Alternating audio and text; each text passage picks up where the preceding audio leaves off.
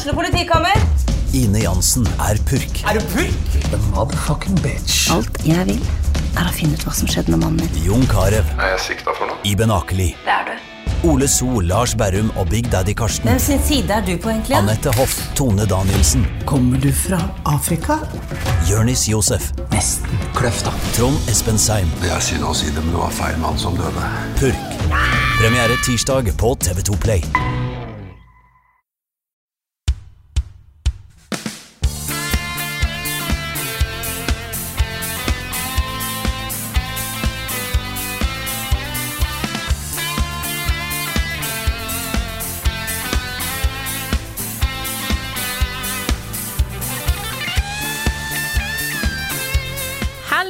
Sammen, og velkommen til en ny episode av podkasten Level Backup med meg, Frida Danmo. Og med meg har jeg som vanlig Karl Martin Hogsnes og Rune Fjell Olsen. Men i dag har vi òg Niklas Halvorsen med oss.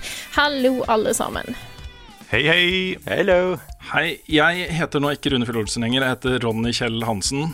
Jeg er nødt til å endre navn. Jeg har vært gjest på nerdelandslaget. Denne episoden kommer neste uke, og det skjer noe i den episoden som er så flaut at Oi. um, jeg vet ikke helt om jeg tør å liksom være meg selv lenger. Det var, eh, det, det var en plugg av den episoden. Altså. Oh, ja, vet du jeg, jeg ligger fortsatt litt sånn våken om nettene og tenker over uh, den quizen som de hadde der. Uh, Ah. og det, det gjør vondt, altså. Det gjør vondt. Det gjør ordentlig vondt.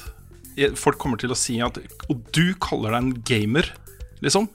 Altså, du, du glemte navnet på Solid Snake? Jeg glemte, jeg glemte Det var noe som jeg absolutt burde ha visst hva var, og så fikk jeg jernteppe på det under opptak. Så Ronny Kjell Hansen, hei, folkens.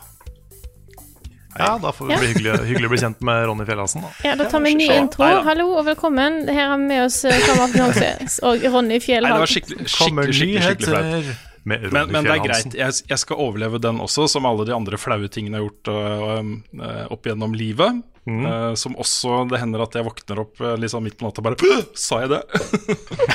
Ikke sant? Så, så det går bra. Mm. All right.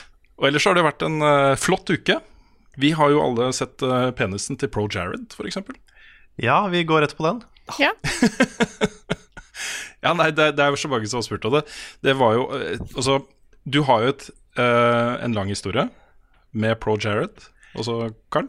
Ja, det vil si, eh, det er, ikke den youtuberen som jeg har sett mest på, men jeg har eh, alltid visst hvem han var og fulgt den siden Mm. eh, tidlig i karrieren hans. Og til og med hadde et intervju med han på E3 for noen år siden. Men ja, dette er ikke første gang jeg har blitt en smule skuffet av en YouTuber jeg har sett på. Det blir sikkert ikke siste, Nei. men det mm, Ja. Jeg, jeg har kommet til det punktet hvor jeg liksom gjør en sånn skikkelig background check av nye youtubere jeg finner, bare for å se om liksom, er dette her en decent person. Er det noe grums? Er det noe dritt? Er det noe uh, dustete thumbnails som uh, owning the SJWs og sånne ting? Uh, I så fall sier er jeg hard out. Men, um, men ja, det er mye grums, ass. Ja, jeg har ikke noe forhold til Pro Jared eh, fra før. Eneste jeg har sett av han, er eh, intervjuet du gjorde med han på etter det for noen år siden.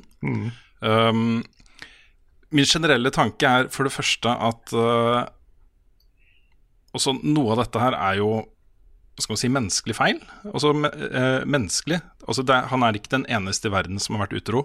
Nei. Uh, han er heller ikke den eneste i verden som har uh, sendt bilder av seg selv. Eller mottatt bilder av andre. Nei, for jeg tenker altså, Du kan jo diskutere liksom noe av det der burde vært en privatsak. Det var jo mm. det som gjorde at det sprengte, var jo at han la ut en public statement som uh, virka som den var fra både han og ekskona hans, Nettopp. men som da utelot veldig mye informasjon, og som ga et ganske feil bilde av hva som hadde skjedd. Mm. Og da gikk jo da ekskona ut og fortalte publicly om, om mye. Så ikke Ja, for noe av, dette noe av dette er jo langt over streken. Altså det å be om nakenbilder av eh, fans, f.eks. Bare det å gjøre det, uansett hvor gamle de er. Det verste her er jo at kanskje noen av de var under 18, ikke sant. Ja, sant. Men bare Ja, det å det er- gjøre det, det er så Ikke sant? Mm, ja, fordi den utroskapsgreia, den er én ting. Men når, men når det der kom fram, Ja. da ble det plutselig en litt større ting. Som er, ja. som er viktig at folk vet, fordi det handler jo liksom om, om å beskytte seg. Mm. Også fra mennesker som kanskje er ute etter noe. Ja. Du må oppføre det ordentlig også. Hvis du har, eh, eh, har et stort publikum, må du være ekstra forsiktig med å oppføre deg ordentlig, rett og slett. Og det er eh, Jeg forstår at folk reagerer. Samtidig så viser dette her liksom hvor raskt da folk kan bare peile seg på uh, en sånn oppfatning som snus fullstendig på hodet. Uh, fra å være godt likt og respektert alt dette her, til at alle bare hater han. Det er, en, det er ganske, mm, ganske mørkt å se på det også, syns jeg. Det er en Nei. svær ting, altså. Det er det. Ja, fordi altså, sånn utroskapssaker føler jeg blir litt sånn Se og Hør. Men det, det er den andre delen, den der med utnytting av fans, som er viktig Mm. å sette fingeren på. For Det det er er, ikke helt, bare eh, greit. ikke ok. Nei. Det er ikke det. Så det Det er er tri trist når det kommer fram sånne ting. Absolutt. Nei, Men- så har vi kommentert det. Det er så Ja. mange som vil kom Nå har vi, vi, Jeg har ikke lyst til å snakke mer om Pro Jared. Skal vi bare la det ligge med det? Men la Ja, den kan, ligge. kan, la det ligge og bare si at with great power comes great responsibility. Har du Oh, et ja. publikum, så har du et ansvar. Og det er noe man, hvis ikke man føler på det, så gjør man det feil. Men Og så er det mulig at vi eh, Mulig vi kommer til å introdusere en ny spalte framover. Som er sånn ukens Twitter-melding. Forslag fra deg, Karl. Mhm. Så vi tenkte å innlede den, og så gi en liten forsmak på den, uh, med å tenne et lys for eh, stakkars uh, Brad Anderson, som har vært en av de store snakkisene på Twitter i uka som har gått.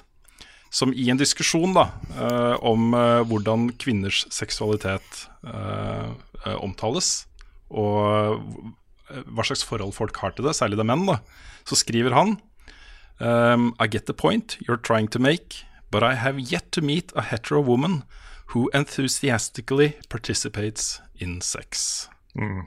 Han har bare- fortsatt ikke møtt noen, altså. Anekdotisk bevis på at de ikke er så glad i sex. Rett og slett. Hard evidence. Ja, ja. Og det er, det er bare tidenes beste sånn Altså self-burn. Hvor han ikke, han ikke skjønner at han sjøl sier hvor dårlig han er i sex. Og det er Ja, han, utrolig skjønte morsomt. Han skjønte jo det til slutt. Sletta Twitter-kontoen sin, men uh, minnet om Brad Anderson kommer til å leve evig.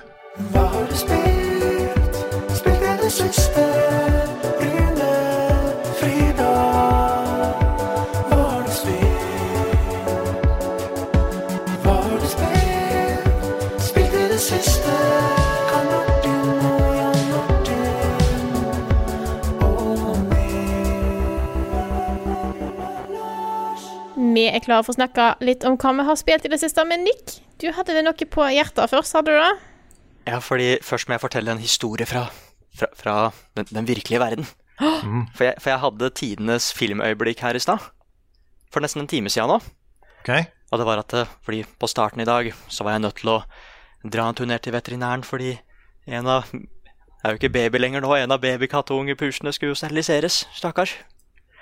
Og da, da, det, var, det var litt sånn trist dag, fordi jeg liker å være der mens de liksom blir bedøva og sånne ting, og være der til de sover, da. Men i dag var det helt crazy på uh, var helt crazy hos veterinæren, så vi, det var ingen steder jeg kunne gjøre det, så de måtte bare ta, ta pippi-pusen min, og så måtte jeg dra fra veterinæren. Og da hadde jeg dårlig samvittighet uh, fra bilturen opp, ikke sant? Men på veien opp så ser jeg plutselig hunden til John Wick. Den første hunden han har fra John Wick. Og den går midt i veien. Og det, det, det er sånn derre Det tar ikke et halvt sekund hvor jeg bare roper til faren min Stopp bilen. Stopp bilen med en eneste gang. Og da Da, da redder vi den hunden. Wow. Stopper, Wow. trafik, stopper trafikken bak der. Jeg tar hunden. Den er superduper kosete. Altså, den er litt, litt sånn der Jeg veit ikke helt hva jeg syns om dette mennesket her, men så klarer jeg å overbevise den at jeg er en god person. Og det som er så gøy da, er at uh, første man lurer på, er at hva, hva faen skal vi gjøre? Vi kan ikke ha den hunden hjemme hos oss. Vi har jo 10 000 katter, ikke sant? Vi, det, det må jo, vi, vi må jo ha den et annet sted. Men vi får bare ringe litt og bare sjekke om den er, bor i nærheten. For jeg så at den gikk ned veien. Og det første huset vi går til, er jo de som har mista hunden. Å nei! Ja, det, det, så det er litt sånn at jeg ser, liksom han der eh, mannen som bor i huset, han bærer ute sånn bord, utgangsdøra oppe. Og han ser, han ser at jeg kommer bærende med hunden. Han ser på hunden, så på huset, så på hunden, så på huset. Og jeg bare spør er dette hunden din. Det er det, vet du. Og, altså det Og så var det John Wick. Ja, så var det John Wick, ja. Ja. Oi. Jeg jeg glemte å si det, det var faktisk John Wick. Nei Ja. da, det var, det var ikke John Wick. Og da het hunden Cecilia, het den. Oi. Så da ga jeg hunden tilbake. Og så, Men så herlig. Du har, redda, du har faktisk redda en, en hund fra trafikken. Ja, faktisk. Wow. Og jeg fikk så dårlig eh, samvittighet, for jeg stansa trafikken nå. Ja, det er eh, veldig bra, Nick. Det er bra. Det er faktisk en one way ticket til hva enn som er den gode versjonen av The Afterlife. Åh, og det er sånn, Vanligvis hadde jeg vært kjempeflau. Bare å nei, nå gjør alle sammen er Nå gjør alle sammen til bry, ikke sant? Jeg vil ikke skape problemer, men jeg dreit i alt det. Den hunden skulle hjem, damage. Så var det flaks at den bodde sånn to sekunder unna. Det var veldig Ja, nei, så dagen starter med at We'll never find it, we found it! Hvor kan den hunden Å ja, her, ja. Nei, så dagen starta litt trist med at jeg ikke kunne være der mens uh, stripepus uh, skulle opereres og sånn. Men så dukka denne hunden opp, og da Ja. Da tror jeg alt skal gå bra i dag. Ja. It was meant to be, Nick. Ja, for hadde jeg, vært, eh, hadde jeg vært hos veterinæren for lenge da, så hadde jo ikke hunden Det var liksom rett sted til rett tid. Mm. Tenk på alt det som måtte klaffe for at jeg var der. Ja, det er helt sant. Mm. Så Destiny. ja, det, det, det var min story. Hvem av oss er det som skal se John Wick 3 på førpremiere på Imax i Oslo? Jeg får ikke Det er sett du, da. Det er Rune, i hvert fall. Jeg må se eneren og toeren først. Ja, samme her. Ja, nei, det er så kongebra filmer også. Og endelig får jeg sett en film på Imax-scenen i Oslo som jeg har hatt lyst til siden den kom. Den største, feteste kinosalen i Oslo, som bare har vist 3D til nå. Og så er det den Denne filmen. ja, så er det den filmen i 2D. Og jeg har kremplasser midt i, liksom. Midt i beste plassen i huset. Og nei, det her eh, Ja. Det blir helt konge. Gleder meg. Nice. Men eh, Nick, Ja. hva har du spilt i det siste? Jeg har spilt dette her Rage 2. Nice. Og det er sånn, jeg, jeg, jeg er jo alltid glad for at vi får tidligkoder som vi kan anmelde spill. Selv om for den der meldingen bare at embargo er i morgen, da. Ikke en Ja, ikke. Ja. Under 24 timer igjen, så er det embargo. Så helst eh, spill hele spillet og lag en full videoanmeldelse på de 24 timene. Ja, ikke yep. sant. Nei, så da sa jeg at vet du hva, det går fint. Vi, vi tar oss litt god tid med det her. Mm. Og veit ikke hva jeg jeg, jeg, jeg holdt på å si, det er, jo, det er jo ikke embargo lenger, så jeg kan jo egentlig si hva jeg vil. Men kan spare litt Si akkurat hva du vil. Ja, uh, jeg liker det veldig godt. Det er, det er som en bitte litt eh, tregere versjon av Doom. Det nye Doom-spillet, bare at det er satt i en open world. Mm.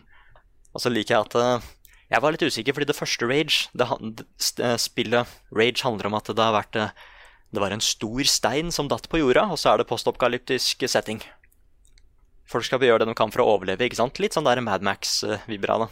Og det første spillet var veldig seriøst. Altså liksom, ja, sivilisasjonen har gått under, og det er mutanter overalt, og åssen skal vi leve her? Mens i Rage 2 så er bare Menneskeheten har det så bra, vet du. Fått tak i ny teknologi og bare Denne Armageddon er ikke så ille, egentlig.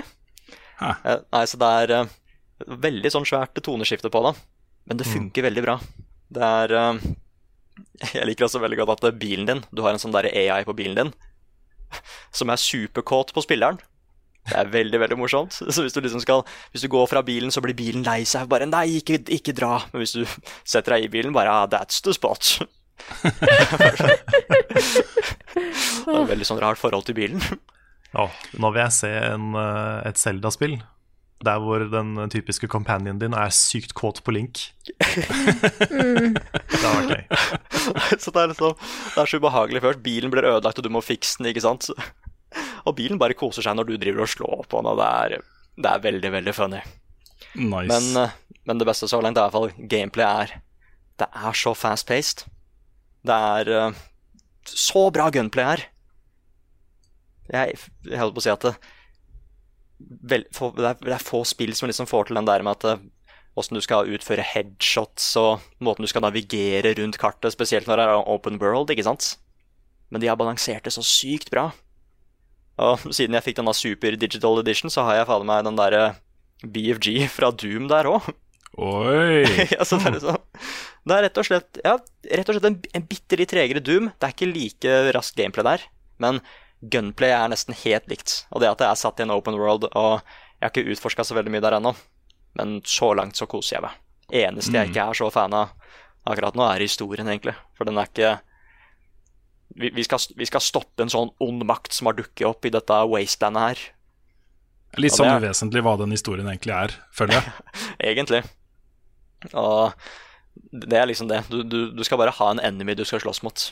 Men mm. uh, utenom det så er det ikke så veldig mye story. I hvert fall som jeg har kommet til. da Spilte rundt sånn 10-11 timer ish. Så det har ikke skjedd så veldig mye der. Mm.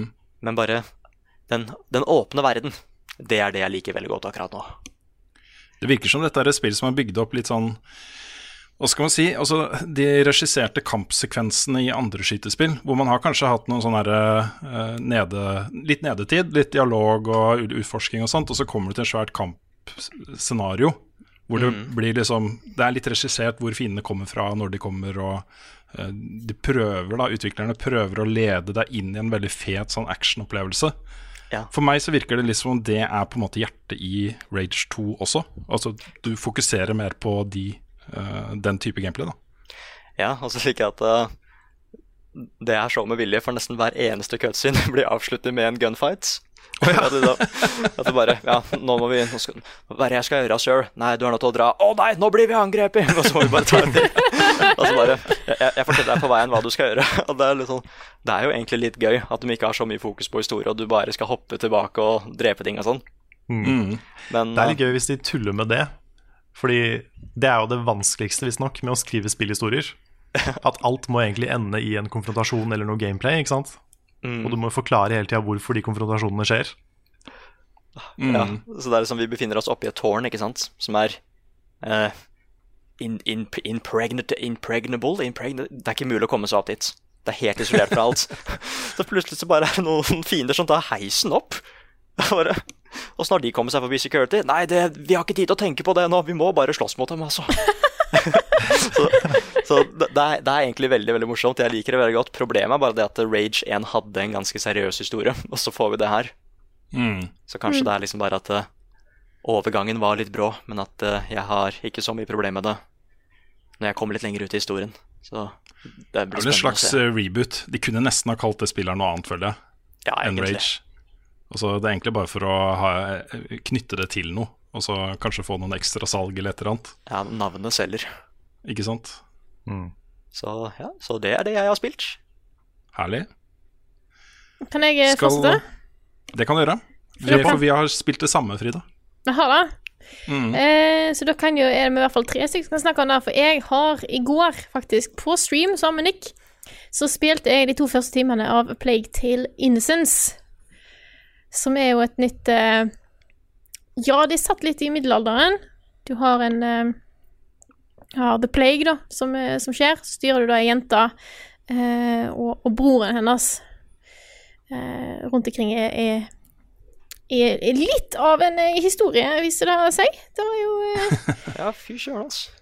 For du var mest ja, forberedt på at det skal bare skulle være på en måte vanlig på en måte The Plague og jeg, jeg var ja. helt sikker på at dette her var en familie som skulle overleve The Plague i ja. Frankrike. Mm.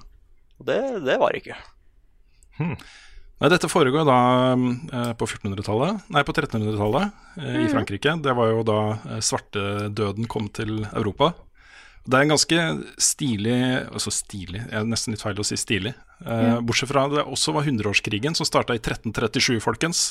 1337 starta da, så det var svartedauden og hundreårskrigen samtidig. Eh, det var også eh, etnisk rensing. Det var jo bl.a. jødene fikk jo skylden for svartedøden av mange. Så det er et utrolig mørkt kapittel i Europas historie, dette her. Eh, og i denne delen av Frankrike som dette foregår i, så um, døde jo uh, nesten 80% av befolkningen, anslås det da. 80% av befolkningen døde i denne perioden, både pga. krig og svartedauden og uh, forfølgelse og, og, sånne ting. Så det var beksvart, um, og det preger jo også veldig denne historien her, syns jeg. Mm. Det er, en, det er en, kraftig uh, Altså, det er ganske mange ting som skjer, og det er ganske Det er ikke å legge skjul på at det av og til er litt grafisk, uh, men jeg syns de får fram menneskelighet veldig bra her. Mm. Fordi at ja, den er være... Det kan være 5000 rotter på skjermen samtidig, påstås det. 5000 rotter. Det blir ganske nasty når de dukker opp. Altså. Ja, mm. og eh, da, da, jeg skal si at det kjørte overraskende bra. Du fikk alle disse 5000 rottene. Streamen var ikke så veldig eh, fornøyd med disse 5000 rottene, da. Så det, de som så på, fikk se et par frames i sekundet, tror jeg. Eh, en liten periode. Men spillet kjører veldig bra. Mm. Og så er det, Jeg syns det var interessant fordi man, eh, dere, du nevnte jo det med hva man forventa seg av dette spillet, og hva det faktisk er. Fordi det òg endrer seg jo mens man spiller det. Det er jo I starten så er det jo et rent stealth-spill. Du er jo eh, sjanseløs mot eh, da inkvisisjonen som kommer. Uh, må bare gjemme deg og snike deg rundt. Etter hvert så oppgraderer du den der slynga til uh, Amicia uh, til å kunne ta headshots og instant-kille fiender. Eh, og så skjer det enda mer etter det igjen, med gameplayet, som, Ja. som er kjempespennende. Og så begynner det å vokse fram et sånt bilde av at vet du hva, dette er ikke sånn historisk korrekt gjenfortelling av hvordan det var i Frankrike under den perioden her. Det er noe annet, det er noe mystisk, et eller annet i bakgrunnen som er lurer, ikke sant? Ja, det er kjempestilig. Ja. Så, Så det, jeg eh, tror at to timer ga en veldig god, godt sånn innblikk i på en måte hva spillet eh, Litt av hva spillet er. Eh, nå sitter jeg og gleder meg til å kunne fortsette å se på en måte hva som skjer videre. Jeg vet ikke hvor Mm. langt du har kommet, eh, Peter Rune? Nei, jeg har kommet et stykke lenger enn de to timene. Ja. Og liker det på en måte bedre og bedre eh, jo mer jeg spiller det. Og i starten var jeg ikke sånn superhappy med det. Jeg hadde to problemer med det. ene var eh, de engelske stemmeskuespillerne. Det påstås av andre at de er så innmari gode. Jeg syns ikke det. jeg ble liksom litt satt ut av Ja. Men jeg gikk inn i menyen og endra til fransk tale med engelske tekster. Og da ble det mye, mye, mye bedre med en gang. Altså. Det var sånn kjempeløft på opplevelsen. Eh, For dette er jo for det første i Frankrike, lagd av et fransk studio med håndplukka franske skuespillere til disse rollene. Damn. Spill det på den måten, altså. Gjør det. da skal det var jeg, mye da skal jeg endre. bedre. Men er, de, er det de samme skuespillerne på fransk da, som på engelsk? Det er Eller- det jeg lurer på, skjønner du. At ikke de Nei, det er det ikke. Det stemmer, Nei. det. Jeg så navnene på det engelske, og de er, eh, de er visst kjente fra noe annet. Jeg tror de har liksom hyra inn eh, talent. Ja, ok. Men, eh, ja. Kult. Um, og så liker jeg også utviklingen av gameplay. Det at det plutselig, plutselig så var det fuckings bosskamp, og det kom så ut av ingenting. Altså, jeg, jeg var ikke klar over at det spillet hadde dette engang, ikke sant. Eh, men det andre problemet mitt var en litt sånn clunkiness. Litt sånn Ja. ikke, det, det satt ikke helt kontrollen og sånt. Men det venner man seg til også. Det gjorde i hvert fall jeg, ganske fort. Eh, Og da er det stilig, for kjernen her er jo puzzles miljøpuzzles. Og det ble en veldig sånn fin uh, opplevelse etter hvert, det der, altså. Og så skjer det ting seinere der også som er Ja. helt konge. Gleder meg. Men det, det jeg òg merker, er da at det har vært så mange open world-spill i det siste. Jeg koser meg jeg, med lineær story. Jeg har Mm. ingenting imot det. Ingenting imot å på en måte eh, Ja, du må av og til finne litt ut hvor du skal og sånne ting, men det er på en måte Jeg får med meg akkurat det som utviklerne har lyst til å fortelle av historie. Mm. Og da, jeg, det går helt fint. At, ikke, Mm. at dette ikke er noe åpent, så jeg er nødt til å på en måte gå rundt og utforske og kan velge det sjøl hvor jeg skal gå. Har ikke noe problem med det. det er liker, jeg liker veldig godt en godt regissert eh, historie, så eh, Mm. Jeg, eh, jeg gleder meg til å fortsette med dette her, altså. Det en, eneste som jeg har uh, lyst til å nevne som uh, potensielt noe litt negativt, det er at jeg tror uh, spilldesignet her er veldig bevisst mynta på folk som ikke nødvendigvis spiller utrolig mye spill. Eh, fordi det, er, det har ikke vært ett eneste tilfelle hvor jeg har tenkt 'hva gjør jeg nå?' Og så bare Ah, selvfølgelig. Det har alltid vært sånn. Jeg vet- med en gang akkurat hvilken lampe jeg skal eh, skyte ned fra taket, og vet alt, liksom. Instinktivt med all den erfaringen jeg har som gamer, ikke sant. Så det er det eneste. Så bossene har sånn der svært dartboard da, foran svak, svakpunktet sitt. Ja, det var tre, tre sånne punkter, helt åpenbare punkter på den første bossen som du måtte skyte. Ja. Så um, ja. Nei, men det spillet her må jeg spille, altså. Jeg har, eh, siste par ukene så har jeg vært dritnysgjerrig på det. Så det Ja, skal jeg- Kommer garantert til å gi det en høy score når, Ja. når jeg anmelder det. Jeg vil også bare nevne at det studiet her, da, Asobo Studio, de har holdt på i årevis. Det er et litt sånn typisk eh, stort europeisk studio. De har jobba mye med eh, lisensspill, Disney-spill og sånne ting. Men de har også lagd et spill vi har spilt før på stream opptil flere ganger. Har dere lyst til å gjette hvilket det er? Så vi har spilt opptil flere ganger. Mm. Det er ikke monopol, da! Jo, jeg tenkte Monopol. Monopoly Plus. Jeg syns det er litt morsomt. Men det er, jeg ser liksom paralleller. Det er et annet europe, stort europeisk selskap, jeg vet ikke om de eksisterer lenger, som et Eurocom. Som jobba i år etter år etter år med lisensspill. Funcom gjorde også det. Lisensspill, lisensspill, lisensspill. Og så til slutt så hadde de tjent nok penger til å satse på sin egen greie. Og De har lagd andre egne lisenser tidligere også, men dette er det første liksom, store hjertebarnet deres, føles det som. Da. Så jeg Mm. håper det går bra. Det er liksom en, de er massevis av ansatte og har helt åpenbart mye å fare med. Så Men, men det heter A Plague Tale kolon innocence. Ja. yes. Betyr det at det kommer flere A Plague Tales? Det kan jo gjøre det. Den var jo i Norge også. Vipa ut uh, massevis av nordmenn også. Ja, Ja. men er det liksom For, det, for meg så virker det som om det er kapittel én av noe. Ja, det, det Det kan at det har en undertittel, liksom. Ja, det er, det er ting der som kan overføres til andre områder og sånt. Men du har jo òg The Missing, JJ Macfield and The Island of Memories. Ja, det er sant. Kanskje vi en gang får The Missing Someone Else and The Island of Futures. Yes. Mm. Og Hvis folk fortsatt ikke helt har fått med seg hva dette spillet er, så kan jeg nevne også, fordi det er en, det er en god indikasjon på hva det har i vente. Um, eh, utvikleren sier selv at de er inspirert av The Last of Us og Brothers, A Tale of Two Sons. Når man hører det og har spilt spillet, så ja, man ser det. Ja. Men det er også litt sånn Jeg får veldig feelingen samme feelingen jeg fikk i Tomb Raider-rebooten. Hvor du kommer inn som en eh, vanlig person, en arkeolog i Tomb Raider-tilfellet. Her er det jo bare en, en ung dame, liksom, som skal beskytte den lille uh, lillebroren sin. Uh, men her har de tatt det enda et skritt lenger. Fordi når hun må bruke vold, så anerkjenner spillet at det er et problem for henne på en veldig god måte. da Veldig tydelig måte. veldig tydelig. Uh, og det, det setter et veldig sånn klart preg på hva slags type spill dette er. Det er Det er da jeg en, mente eh, med at jeg syns at det spillet tar liksom det menneskelige veldig bra. Mm. Hvordan en person ville reagert i de situasjonene, fordi at det er ikke naturlig for en person som ikke er vant med å bruke noe spesielt med vold og per grunn til å drepe folk. Så Mm. syns jeg de takler veldig bra. Så det er ikke bare det, det, er ikke bare det første rådyret. Det er liksom Ikke flere bare det første rådyret. Nei, jeg skjønner. Ja, men kult. Dette, det høres lovende ut, ass. Ja. I am intrigued. Skal jeg ta over? Ja. Do it. Jeg har spilt, eh, og dette her kommer til å bli vanskelig å snakke om, fordi spoilers og sånn. Det er jo eh, Jeg vet ikke om det er noen av dere som har spilt noe av det her ennå. Men eh, jeg har spilt episode tre av Life is Strange 2. Så jeg skal prøve å snakke om det uten å liksom spoile episode 1 og 2, og det er litt vanskelig. Mm. Lykke til. Men, men jeg kan i hvert fall si, da, for det, det vet jo de fleste som har fulgt med, at dette er jo et spill hvor du også eh, spiller som et store søsken som skal eh, passe på å oppdra en liten bror. Mm. Og det som jeg likte med denne episoden her, det er det at eh, For jeg har hele veien prøvd å være en ansvarlig eh, storebror som på en måte prøver å styre da Daniel eh, mot de riktige tinga og passe på han og ta vare på han og være der, liksom. Det var litt vanskelig i denne episoden her, fordi man blir jo investert i begge to. Og jeg vil jo også at Sean, han storebroren, skal ha det litt bra. Og det, det er ting i episode tre som gjør den prioriteringa litt vanskelig.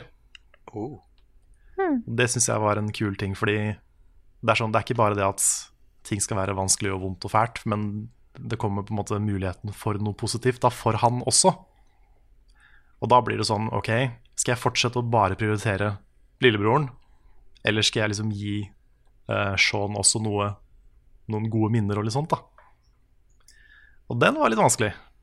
Den, uh, det, det var de vanskeligste valga, syns jeg, nesten, til nå. Og jeg var ikke nødvendigvis verdens beste storebror i episode tre. Jeg tok noen eh, litt mer, litt mer valg for myself den gangen. Jeg vet okay. ikke om det, det er sikkert ikke lurt, kommer sikkert til å bite meg i ræva i fremtidige episoder. Men um, veldig bra. Jeg digger den sesongen her. Syns det er kjempebra. Til uh, Heldigvis, da, Carl, mm. så kommer jo den følelsen her, til å legge seg, liksom. Uh, det er jo Neste episode er jo i august, liksom. Eller september, eller hva det var. Det er sant. Det er lenge til. Det er lenge til. Det er for lenge til. Men uh, jeg må jo si, da, fordi eh, ja, det er lenge til, og det er litt dumt, men jeg syns de episodene her funker å spille eh, med litt mellomrom. Fordi de har en liksom komplett eh, story arc, alle sammen. Og du blir jo, altså de har jo selvfølgelig cliffhangers, og du lurer på hva som kommer til å skje videre. Og sånn er det hver gang. Men likevel så får man en full opplevelse av hver episode. Da. Ok. Så det er fullt mulig å spille de mens de kommer ut. Mm. Jeg syns ikke det er et problem. Jeg syns det er litt synd at det tar så lang tid, men uh, samtidig så er det Nå har jeg spilt nok av det, og nå er jeg såpass investert at jeg kan vente, liksom. Det er ikke sånn at jeg glemmer alt som har skjedd eh, mellom hver gang. Det er mulig at dette her blir litt sånn spoilerish, og hvis det er det, så, jeg det, så stopper jeg det der. Okay. Går til vignett. Men jeg har forstått det sånn at også de to brødrene de er jo på reisefot. Mm Så de, de, beveger på seg. Er det litt sånn at de kommer til et nytt sted per episode, og så gjør de på en måte seg litt ferdig med historien som er, oppstår på det stedet, og så drar de videre, og så er det neste episode? Er det litt sånn? Du kan si det er litt sånn. Ja. Det, det, jeg vil ikke si det er spoiler å si. Det okay. er eh, på en måte sånn spillet er bygd opp. Ikke sant? Mm. Og så er jo episode to er jo den som eh, fletter sammen uh, andre ting. Sånn uh, Captain Spirit og sånne ting. Mm. Mens episode tre er en litt sånn ny uh, et nytt kapittel igjen. Okay. Det er litt vanskelig å markedsføre det, den episodeserien der, altså. De gir jo ut en ny trailer for hver episode. Og de nye trailerne viser jo hva som har Og så spoiler jo de forrige episodene, ikke sant? Mm. Det er jo Ja, jeg må holde meg helt unna, rett og slett. For jeg har så lyst til ja. å spille dette her. Men jeg, jeg lener mot, da å bare hoppe i det og spille det nå. Jeg, det funker for meg, jeg tror det kan funke for de fleste. Det, Life is Strange er bedre enn f.eks. Walking Dead og alle de Telltale-spillene på det. Jeg syns de er bedre på å gi en komplett opplevelse hver gang. Mm. Så hvis du, hvis du, sitter på gjerdet fordi ikke alt har kommet ut ennå, så anbefaler jeg å bare hoppe ut i det. Spill de tre første, for da får du en bra, en bra story allerede. Ukens anbefaling. Hva skal jeg mene på? Ukens anbefaling. Hva skal jeg finne på? Ukens anbefaling. Hva skal jeg finne på? Ukens anbefaling. Hva skal jeg finne på? Carl er klar for å servere oss en saftig anbefaling her i dag. Jeg tror det var Carl som skulle ta den, i hvert fall. Ja? Det var jeg som skulle ta den. Ja, supert. Du husker rett. Fordi jeg har bare lyst til å si til alle der ute som noen gang, på noe som helst tidspunkt i livet, har hatt et nært og varmt forhold til Pokémon. Løp på kino og se Detective Pikachu. Fordi god damn. Jeg er eh, for Pokémon-fan til å si om det var en på en måte generelt bra film. For den, den er jo en smule sånn forutsigbar av og til. Det var og, ikke en bra film. Jo, det var en bra film. altså, det var en, det var en bra Pokémon-film. Men det var ikke jeg, jeg, jeg, mener det var en litt for forutsigbar Ja, men du har sett den? Ikke sant? Jeg har sett den. Du har sett den, ja? Jeg har okay. sett den, Tok med begge kidsa og så den. Oh, okay, jeg, hørte, jeg, har hørt at det er en veldig barn... Altså, det, det her Target audience er kanskje mer barn enn jeg er litt uenig. Jeg tror liksom target audience er folk som har vokst opp med Pokémon. Har ja, jeg, jeg, jeg forhold til Pokémon. Ja. Altså, det er nok litt begge deler. Men, men det, er, det, er, en veldig sånn nostalgibombe for de som vokste opp med Pokémon. I mm. hvert fall det at hovedpersonen uh, var jo en kid som drømte om å bli en Pokémon-trainer, og det er jo veldig sånn typisk for den generasjonen. Mm. Ja. Og så er det også det du kommer til den byen der hvor uh, det, er, det, er, den eneste også I uh, dette universet her da, så lever jo Pokémon lever jo på landet, i skogen og for seg selv. Men dette er den eneste byen og eneste stedet i verden hvor Pokémon og mennesker lever side om side, og de hjelper hverandre og støtter hverandre i hverdagen og alt det der. da mm. Så det å komme det jo... til den byen og bare se det havet av Pokémon, det mm. jeg var stille. Det er jo en, holdt på å si, en sannhet med modifikasjoner, da. Men, for det, det finnes jo Pokémon i byene i i resten av Pokémon også. Mm. Men det er, litt, det er, litt, mer sånn integrert samfunn. Ja. Hvor de, er, de, har jobber, og de er liksom sånn likeverdige uh, sånn sett. da mm. Og det er en kul ting. Og det som jeg også liker, fordi det som imponerte meg, var det at uh, den filmen her er så riktig satt sammen. Uh, satt opp mot resten av universet. For den kunne liksom Den kunne vært en utvida del av liksom, Pokémon-universet fra før. De har ikke mm. prøvd å gjenskape noe, de har liksom bare lagt til noe i universet her. Og det er gøy. Det er jo referanser til liksom Kanto, og det er referanser til um, spilla, da. Mm. Overalt. Og jeg hadde jo min store Pokémon-craze uh, sånn tidlig Slutten av barneskolen, starten av ungdomsskolen.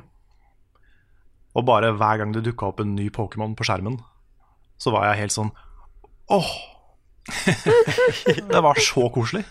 Ja. Jeg bare kjente det langt inn i hjertet. Liksom. Bare starten, når du får det der typiske etableringsbildet uh, av et eh, hus, og så flyr det alltid noen fugler forbi. Men det er ikke fugler, det er pidgeer. Og bare det er sånn Oh my god! bare det er pidgey. Så jeg, jeg ble så liksom det, er, det var så koselig å se den filmen. Og det er så åpenbart at de som har laga den filmen her Jeg husker ikke, jeg vet ikke hvem regissøren og manusforfatteren er, men det er så tydelig at de er blodfans, da. Og at de elsker det universet her.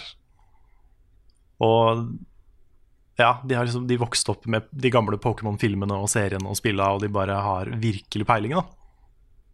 Og det er sånn Jeg har ikke sett det i andre filmer basert på spill. Den samme liksom entusiasmen.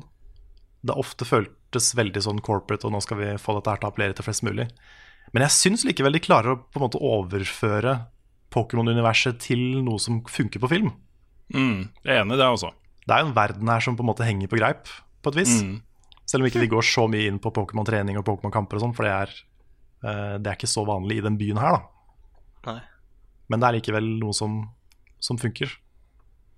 Og så er det en, en scene med Bulbasaur. Og den er så koselig. Jeg, til, jeg har ikke lyst til å nevne akkurat hva det er, men det var også en av de scenene jeg syns var flottest i den filmen. Og så likte jeg veldig godt Mewtwo. Ja. Hele Mewtwo-greiene i filmen syns jeg var råstilig. Ja, Mewtwo er dritkul i den filmen. Og han er jo the, the big, the big Pokémon. Altså den originale badass Pokémonen som alle som spilte Red and Blue, husker. Ikke minst så var han jo hovedpersonen i eh, Pokémon The First Movie. Som faktisk het The First Movie. Det var litt morsomt, for de visste at de kom til å lage en shitload med filmer. Ja. Men uh, en annen ting da, som jeg lærte uh, i går, tror jeg, det er at uh, Bill Nye, altså ikke Bill Nye the Science Guy, men Bill Nye Y Jeg vet ikke helt åssen du uttaler etternavnet hans, men, men han spiller jo en viktig rolle i filmen. Han er eh, 69 år gammel og nyfrelst for Pokémon. Og det er så morsomt, og det er så koselig, for det er så ekte. Han, sitter, han sitter i intervjuer og prater om Pokémon-universet. Liksom han har fått med seg noen av de wall-scrollene som han hadde på veggene sine i filmen. Han har fått med seg hjem da Og har eh, begynt å samle på Pokémon-kort og har, en, eh, har liksom kjøpt masse merch. da Og best of all was the incredibly impressive Pokédex. Han har sittet og bladd i ikke sant? og bare lært om masse forskjellige Pokémon. Og favoritten hans er, er Mew, fordi Mew er så powerful and elegant. Det er bare Den der genuine entusiasmen fra en snart 70 år gammel mann var veldig veldig koselig. Så um, Nei, det er, sånn Det kan diskuteres hvor bra filmen er som standalone, hvis ikke man har et forhold til Pokémon. Men hvis man er fan, hvis man er glad i det universet her, så er det bare en sånn bombe av kos. ass. Jeg bare satt og gliste gjennom hele filmen.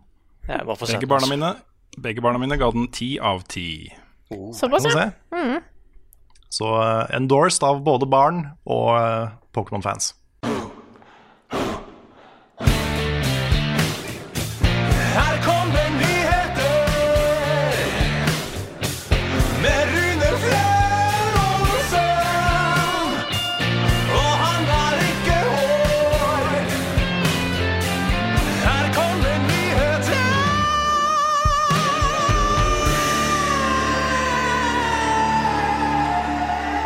Jingle har jo sagt hva, det, hva som skjer, så vær så god. Ja, og siden det er med Rune Fjell Olsen, så eh, velger jeg å prioritere en sak som kanskje ikke er liksom ukens toppsak, eh, litt høyere. Jeg tar den først. Red Dead Online er ute av beta og har nå poker. Du kan spille Ja. poker i Red Dead Online. Å, dette har ikke jeg fått med meg. Nå var Nei, det. nå er 1-0-versjonen Jeg kom denne uka. Jeg kommer i går, tror jeg. På onsdag eller uh, tirsdag. Fy. Um, ja, den er ut, av beta. Du kan spille poker. Du kan både lage private pokerlag, du kan sette opp altså public turneringer, eh, bestemme stakes, eller du kan da bli med på andres uh, opplegg. Det er liksom Vet du hva, jeg kan fort ende opp med å bruke en del timer på bare det, altså. Jeg har, ikke vært, eh, jeg har vært ute av betaen. Jeg kom til level 10 eller 11, eller noe sånt, og så ga jeg meg, for det var for uferdig. Nå skal jeg teste det, men det er fare for at det bare blir for å spille poker. Altså. Må Poker. Simulator. Streame, ja. Sette opp et privat lag, og så streame det. Nick. Ja. ja Vi poker må jo er det. så gøy, dere. Mm. Ulempen er at du må ha en bankroll, da. Uh, så du må jo ha penger i spillet. Du spiller jo for penger, også in game currency. Ja, Så du kan ikke bare uh, installere Red Dead Online og så begynne å spille poker. Du må først tjene litt spenn. ja. Da må jeg skaffe litt spenn. Jeg, jeg, jeg gjorde jo ikke noe annet siden første Red Dead Redemption Kan du- Online, liksom. Kan du Mm. kjøpe in game currency for ekte penger? Det kan du, Karl. Ja, Det kan da du. er dette er en litt slippery slope, men ok. Greit. Det som da egentlig er ukas største nyhetssak, er jo selvfølgelig Nintendo Directen om eh, Super Mario Maker 2. Jeg har sett det nesten hele. Jeg fikk ikke sett absolutt hele, men uh, holy smokes, det så bra ut. Jeg var liksom på forhånd tenkt bare sånn Super Mario Maker 2, tenker jeg, OK. Da porter de den fra, fra Wii U, så fikser de små ting. Men der har de virkelig lagt til mye greier. De har det. Blant annet en story mode. Ja. Oi. Og det var kult. Det var at, ikke det, det, altså, det er sikkert ikke, en, sikkert ikke en engasjerende story, det er ikke det. Men, men bare det at de har masse eh, Nintendo-skapte levels. Det var 70, var det ikke det du sa? Eller jeg husker ikke helt, det. Jo, noe sånt. Ja. Så det er jo, og det er da laga i Mario Maker-enginen, alle sammen. Så det er litt spennende. Det er sikkert ikke samme kvalitet som i et vanlig Mario-spill, men det er likevel en del content, da, hvis man vil Mm. spille litt før man begynner å bygge. Får de inspirasjon kult. til hva som går an å gjøre og sånt? Mm. Ja, det er jo tanken. Ja. Det er en litt sånn blueprint. Men uh, det dette her har blitt kanskje det spillet jeg gleder meg mest til i år. Jeg elska jo Mario Maker 1. Det eneste som var synd, var jo at det var på Wii U, og nå er jo Meverse uh, stengt, og alt mulig sånn, så det har mista litt av, av den. da Men når dette her kommer på Switch Jeg gleder meg så til å begynne å bygge levels og streame det og spille andres baner og bare hele den pakka der. Kommer til å bli dritgøy. Det er noen av de morsomste streamsa vi har hatt. Ja. Ja, men hadde jo flere, hadde vi ikke? Jeg tror vi hadde sånn tre Mario Maker-streams. Jeg spilte jo levels til seere og alt mulig rart. Ja, vi var på Varos Komplett og spilte Mario Maker, og det var bare Mm. masse. Jeg er helt sikker på også, um, eh, Du har liksom På én side så har du sånn Sekiro og bla, bla, bla. Er Garantert det er mange som kommer til å sette uh, Super Mario Maker 2 som Game of the Year 2019. Fordi det det tilbyr, er noe også, Hvis det fenger deg mer da enn store singleplayerspill eller multiplayerspill, eller hva som helst, så er det uslåelig. Og så bare det også at du kan sitte to stykker sammen ikke sant, og bygge Ja. brett, er jo Ja, eh, he- helt fantastisk. Og at det har multiplayer. At du har jo multiplayer maps. Mm. Det også var kult. Nei, det kommer til å bli svært. eh, Og kommer til å bli bra. Jeg skal også spille det. Jeg gleder meg veldig.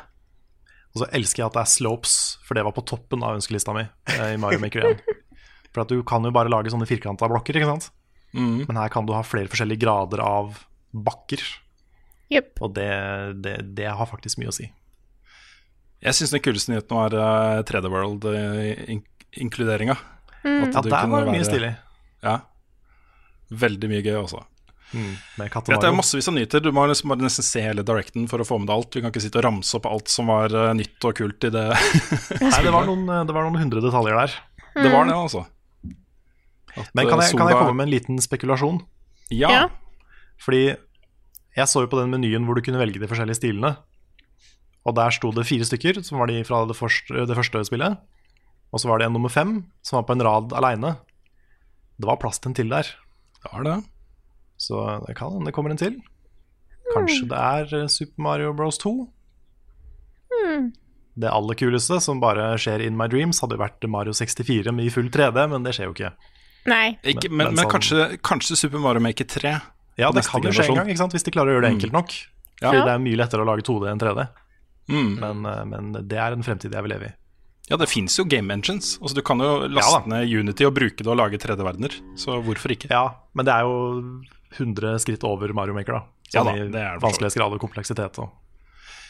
Så det er det, å, Yes. det er det å gjøre det enkelt som er vanskelig. Men får de til det, så er jeg all in. Mm. Men det har jo kommet flere kule trailere i uka som har gått. Vi skal ikke nevne alle, men vi må jo selvfølgelig nevne Final Fantasy 7, som endelig viste fram litt livstegn igjen. Yes, etter sånn nesten fire år. Ikke sant? Ja. Hva tyks? Nei, jeg er uh, Altså, jeg syns det ser helt nydelig ut. Alle karakterene ser ut akkurat sånn som de burde. Og eh, får jo følelser langt inn i eh, hjerterota av å se Aerith igjen og sånne ting.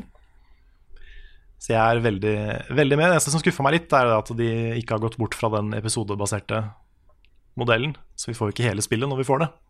Nei.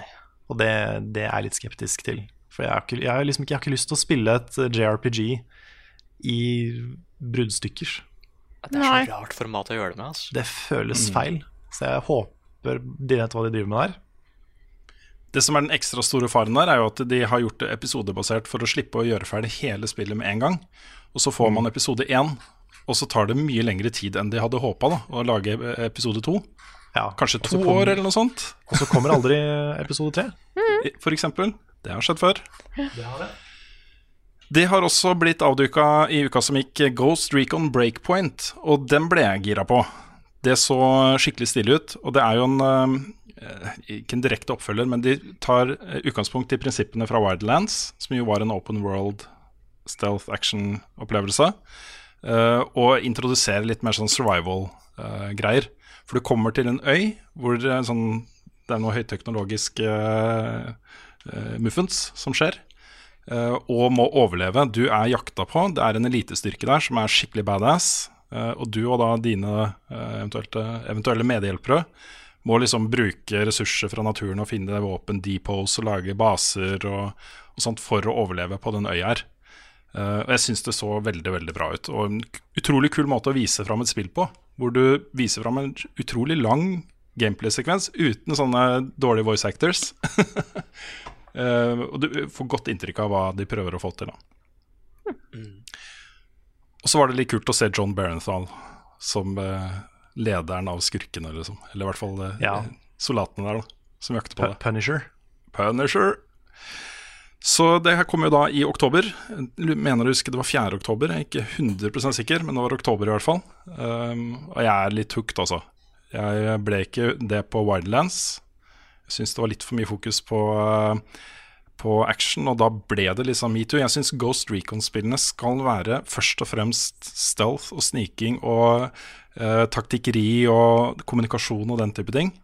Uh, ikke så mye uh, Nå skal vi bare blow shit up-type ting, da. Mm. Har du noen tanker om eh, Ghost Recon der, eh, Nick? Det er jo din type spill også, dette her. Jeg liker at det ser, eh, det ser mye mer vanskelig ut. Mm. For Det eneste jeg husker fra Wildlands, var at vi bare kjørte inn i basen og drepte alt som var der. Ja, men det var samme spilte Wildlands. Ja, ikke sant? At det faktisk har nå gått å bli litt sånn superstelt igjen. Mm. Selv om jeg savner disse real gamers som skulle dokumentere at de spilte det, ja da. Okay. Disse, disse ordentlige Ubisoft-folka, jeg savner det litt, jeg. Det var, det var en del av skjermen. Altså, jeg skjønner hva du mener. For det, er- det er, jeg syns det er kleint, men det er veldig gøy å tulle med det. Mm. Sånn som, eh, altså det, det er så sånn Hello Fellow Kids, hvor de prøver å være både karakterene i spillet og spillerne som spiller det samtidig. Mm. Så det blir en sånn rar, veldig engasjert militær gamer. og det er veldig morsomt. Ah, det, det var sånn her Go, go, get him, cowboy. Yeah, copy that, sure. Vi hadde jo en helt herlig eh, sånn stikk da, i presentasjonen, for dette var jo bygd opp som en slags pressekonferanse. Spilt inn på forhånd og redigert og alt dette her. Men hvor det, han som innleda det, var jo en tidligere amerikansk Altså ikke tidligere amerikansk, men en tidligere marinesoldat. amerikansk marinesoldat. Som ja. fungerer som konsulent da, på dette her. Eh, tett integrert i teamet og sånne ting. Og han var jo mega badass. Du ser på han at han kunne ha drept deg med en finger, liksom.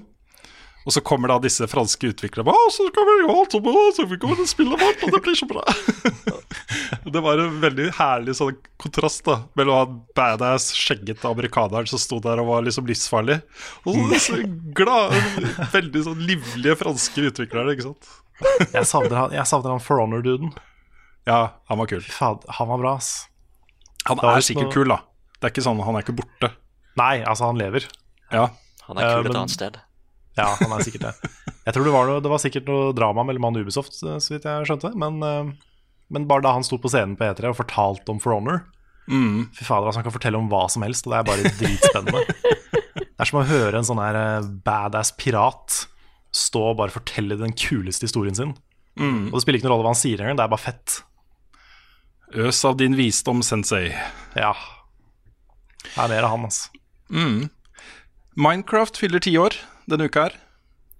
Det gjør det. Det Ja. markeres jo da, uh, har jo blitt markert, både med at du kan spille originale første betaen av Minecraft i nettleseren. Det er bare å gå på eh, sikkert minecraft.com slash et eller annet, jeg vet ikke. Minecraft.com, du finner det sikkert der. Um, de har også gitt ut en, eh, det som nesten kan kalles en theme park. Men in game, da, et map gratis til alle versjoner av Minecraft. Hvor du kan eh, Også et kjent mod-gruppe har lagd dette her for eh, Mojang og Microsoft. Med da elementer fra ti, den ti år lange historien til Minecraft. Høydepunkter og osv. Så, videre. så du kan gå inn da i forskjellige verdener i dette mappet her og se forskjellige deler av historien til Minecraft. Um, og da, eh, på nasjonaldagen vår, som er for oss i morgen Jeg er litt usikker når vi skal legge ut denne episoden, her også, fordi det føles litt sånn teit å legge ut en ny episode av podkasten klokka 09.00 17. mai.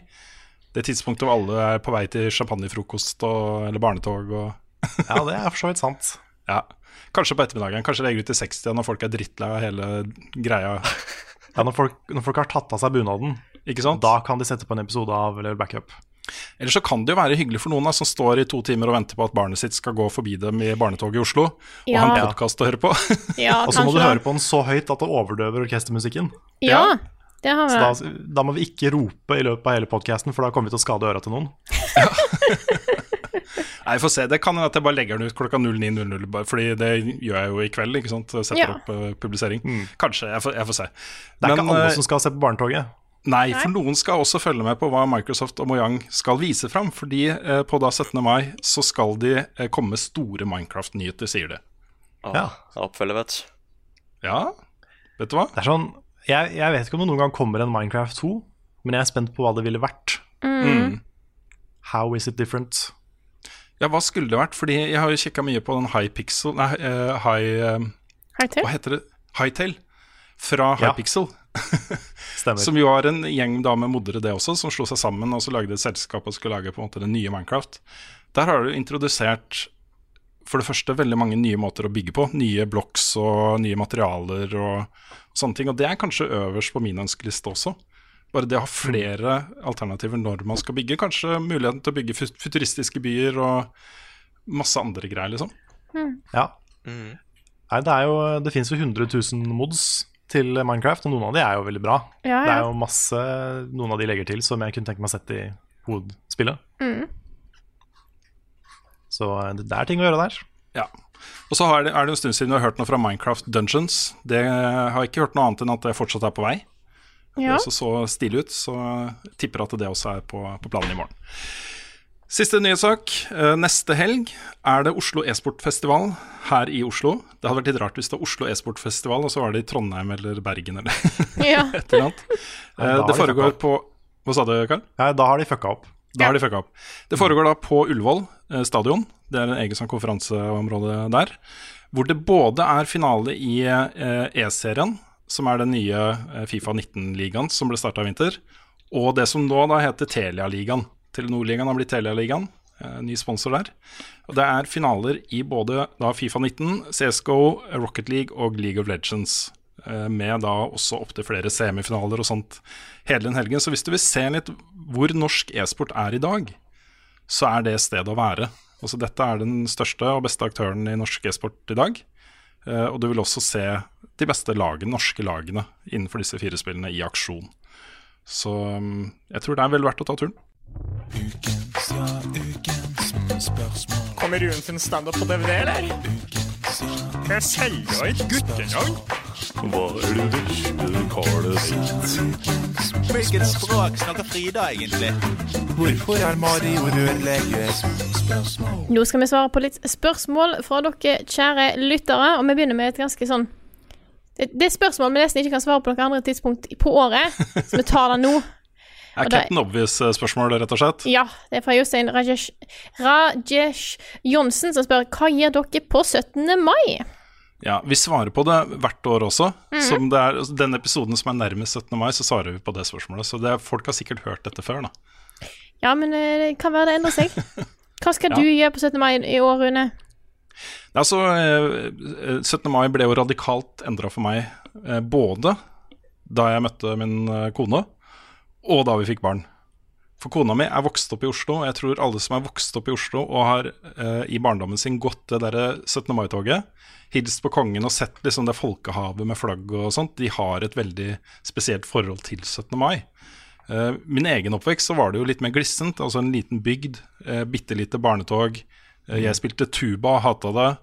Um, men det var liksom pølser og is og alle de tingene der også. Men det er noe eget å ha vokst opp i Oslo med det. Så hun vil jo gjerne gjøre masse ting på 17. mai. Jeg kan være fornøyd med å gå og drikke champagne, frokost og egg og uh, spekemat. Liksom, og kanskje noen par is, og så ta med dressen. eller ta noen pils på en uterestaurant. Et eller annet sånt. Det er min perfekte 17. mai. da. Men nå har jeg barn. To barn i barnetoget. En kone som er uh, nesten sånn sukkerhøy hver 17. mai. så jeg ble helt uh, selv, om, selv, om, jeg ikke hadde hatt noe sansen for det selv, så hadde jeg ikke hatt noe valg. Men jeg, syns, jeg blir jo litt smitta av det. Jeg syns det er hyggelig. Uh, så min 17. mai er lik hvert år nå. Vi har en, uh, en, gjeng med barnefamilier i det området her som vi blitt kjent med. Vi samles, har frokost. NRK-sendinga på storskjerm. Og barnetoget går da bare et par hundre meter fra der vi er.